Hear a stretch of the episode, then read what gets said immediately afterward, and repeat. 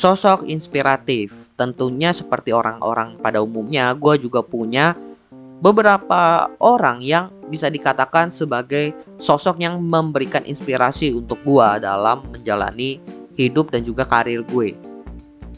Gue sebenarnya punya banyak sosok inspiratif yang benar-benar menginspirasi hidup gue gitu dalam beberapa poin tertentu. Tapi di episode kali ini gue akan ngebahas empat sosok inspiratif aja. Karena menurut gue sosok-sosok ini lumayan menginspirasi gue dan membentuk karakter gue sampai saat ini. Entah dari sisi karir maupun dari sisi gue ketika gue ngonten saat ini. So langsung aja kita bahas siapa aja tokoh-tokoh tersebut yang pertama yang membuat gue sangat mencintai dunia bisnis dan juga teknologi adalah Steve Jobs. Beliau ini bisa dibilang seorang pebisnis yang sangat inovatif.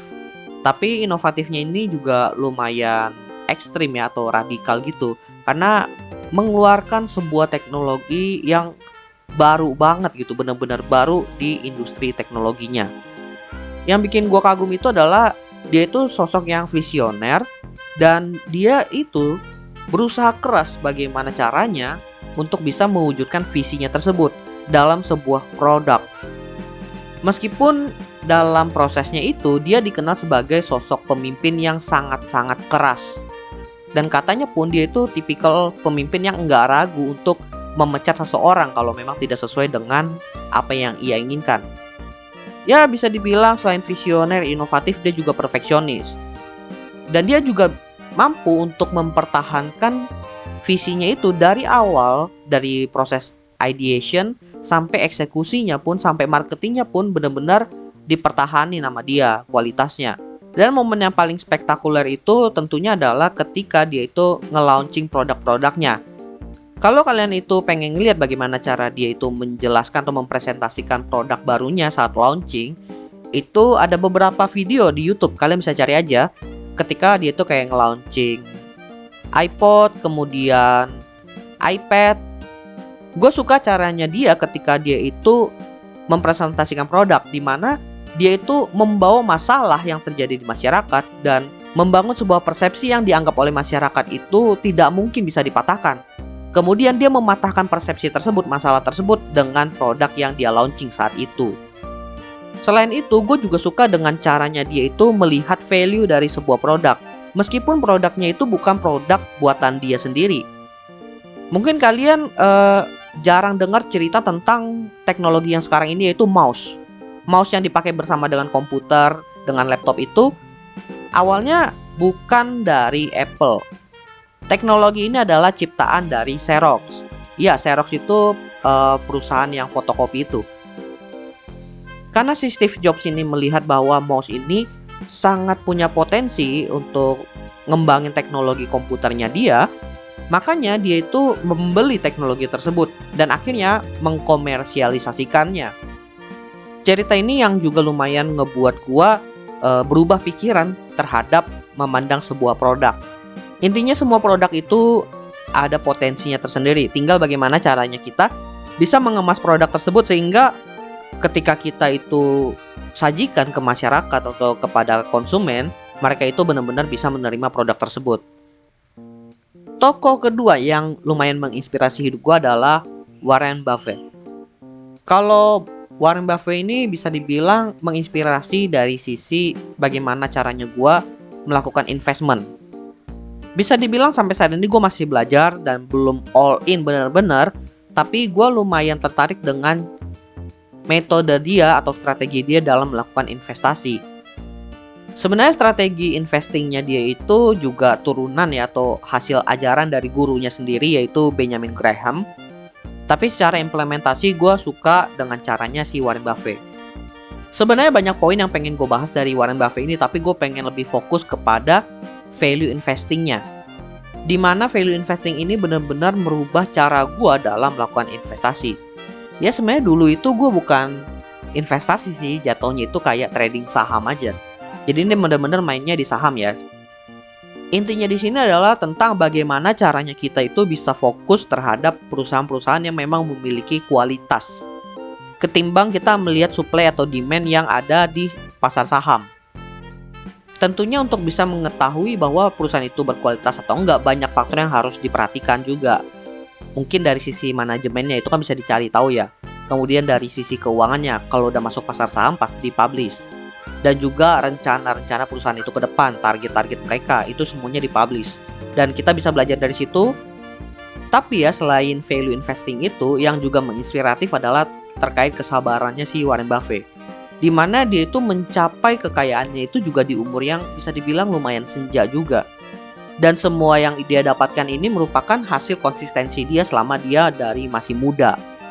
Jadi bisa dibilang dia itu tokoh inspirasi gue dalam investing.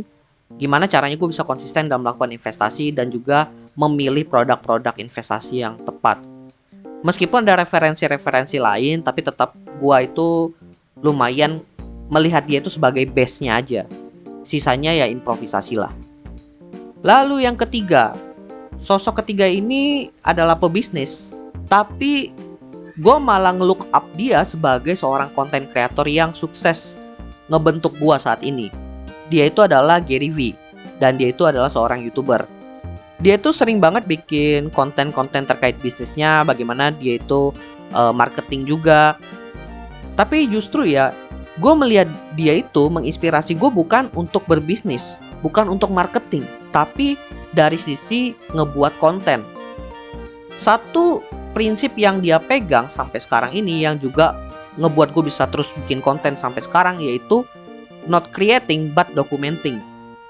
Ini yang jadi prinsip dasar gue ketika gue itu bikin konten. Mungkin adalah fase-fase di mana gue itu bener-bener stuck nih, nggak ada ide mau bikin konten apa dan ketika gue stuck seperti itu gue balik lagi ke prinsip tersebut sehingga gue itu jadinya nggak fokus ngebikin konten atau mencari ide atau gimana. Ya udah gue fokus mendokumentasikan hidup gue aja. Dan itu yang juga menjadi base dari si podcast Opsiana ini. Awalnya itu gue pengen bikin podcast yang mendokumentasikan perjalanan gue dalam berbisnis dan juga berkarir. Dan gue di sini tuh pengen cerita. Makanya gue itu juga nggak nyangka gue bisa konsistensi seperti sekarang karena ya dasarnya sih gue cerita-cerita aja kayak sekarang. Meskipun banyak banget episode Opsiana Podcast yang ngebahas hal-hal yang teknikal, hal-hal yang berbau bisnis, ngebahas brand-brand yang lain, tapi pada dasarnya itu adalah implementasi gue dari pembelajaran yang udah gue pelajarin. Bahkan kalau gue ngebahas brand-brand tertentu dari sebuah startup, ada kemungkinan gue lagi ngeset mata gue ke sana untuk melihat potensi dia ke depannya seperti apa. Dan tentunya itu merupakan bentuk dokumentasi gue juga. Who knows, siapa tahu gue nanti tertarik kerja di sana atau mungkin gue itu pengen bekerja sama. Jadi bisa dibilang ini jadi semacam track record juga. Dan semuanya itu bisa terjadi sampai sekarang karena apa? Karena ya gue ngikutin prinsip dari si Gary V itu. Don't create but documenting. Dan hal itu pun gue lakukan juga di akun TikTok gue yang berkebun itu, di mana sebelum gue bisa monetize, gue juga ngelakuin hal tersebut. Gue cuma ngerekam kegiatan gue berkebun, karena kan pandemi itu gue nggak bisa ngapa-ngapain kan. Ya udah, gue ngelakuin hobi gue aja, yaitu berkebun. Cuma gabut ah, sekalian rekam deh. Dan malah keterusan sampai sekarang untuk si konten berkebun itu. Dan prinsip ini juga menjadi salah satu tips yang biasanya gue sharing gitu ke teman-teman gue kalau mereka itu pengen start konten Cuma mungkin banyak yang nggak mau melakukan karena merasa bahwa apa yang dia dokumentasi itu kesannya nggak penting gitu. Sebenarnya sih ya nggak usah terlalu dipikirkan. Dan tokoh terakhir yang bisa dibilang cukup menginspirasi gue ini datang dari Indonesia sendiri, yaitu Raditya Dika. Untuk Raditya Dika ini lumayan menginspirasi gue karena dia itu adalah satu sosok yang bisa dibilang multi talent. Dia penulis buku, kemudian stand up komedian, kemudian juga konten kreator sekarang ini. Tapi yang cukup menginspirasi gue adalah tentang bagaimana dia itu dengan kreatif bisa menghasilkan ide-ide yang cukup fresh dalam ngebuat karya-karyanya dia. Dari kreativitas dia yang bisa dibilang sangat luas dan juga passion dia itu terhadap komedi, dia itu bisa mengembangkan dirinya itu menjadi beberapa pekerjaan secara sekaligus. Makanya gue bisa bilang dia itu hitungannya kayak multi talent. Tapi multi talentnya ini basisnya dari satu titik yang sama yaitu komedinya. Jadi ibarat kata dia itu menguras air dari satu sumber titik air aja. Digali terus sampai airnya itu keluar terus. Pokoknya dikuras terus di satu titik itu sampai benar-benar habis. Dan kalau ditelaah lagi bagaimana cara dia itu mendapatkan ide-ide kreativitas juga sumbernya dari kehidupan pribadi dia, kehidupan di sekitar dia. Bahkan buku-bukunya dia itu merupakan hasil dari pengalaman dia sendiri yang tentunya ditambahkan dengan bumbu komedi. Jadi kalau dihubungkan dengan prinsipnya si Gary V tadi, masuk juga tuh di mana sebenarnya Raditya Dika itu bukan mengcreate sebuah uh, idea tapi dia itu mendokumentasikan. Nah, dokumentasinya itu diubah menjadi sebuah karya. Oke, jadi itulah beberapa sosok inspiratif yang berpengaruh dalam kehidupan gua. Sebenarnya masih ada beberapa tokoh lain yang cukup menginspirasi dalam hidup gua, tapi nggak bisa gue jabarkan satu-satu karena tentunya akan jadi terlalu panjang. Jadi gue cuma mengambil beberapa tokoh yang memang pengaruhnya itu lumayan besar. Meskipun gue nggak kenal mereka secara langsung, belum pernah ketemu secara langsung juga, tapi karya-karya mereka, produk-produk mereka cukup menginspirasi gue dan membuat gue berharap suatu saat nanti gue bisa menjadi seperti mereka. Dan gue yakin teman-teman yang mendengarkan juga pengen menjadi seperti idola kalian lah. Well, jadi itulah sedikit sharing dari gua terkait tokoh inspiratif dalam hidup gua. Semoga bermanfaat buat teman-teman semuanya. Dan terus pantengin Opsiana Podcast karena dalam bulan Desember ini akan terus update karena lagi ngikutin event 30 hari bersuara. So, stay tune di Opsiana Podcast dalam beberapa hari ke depan.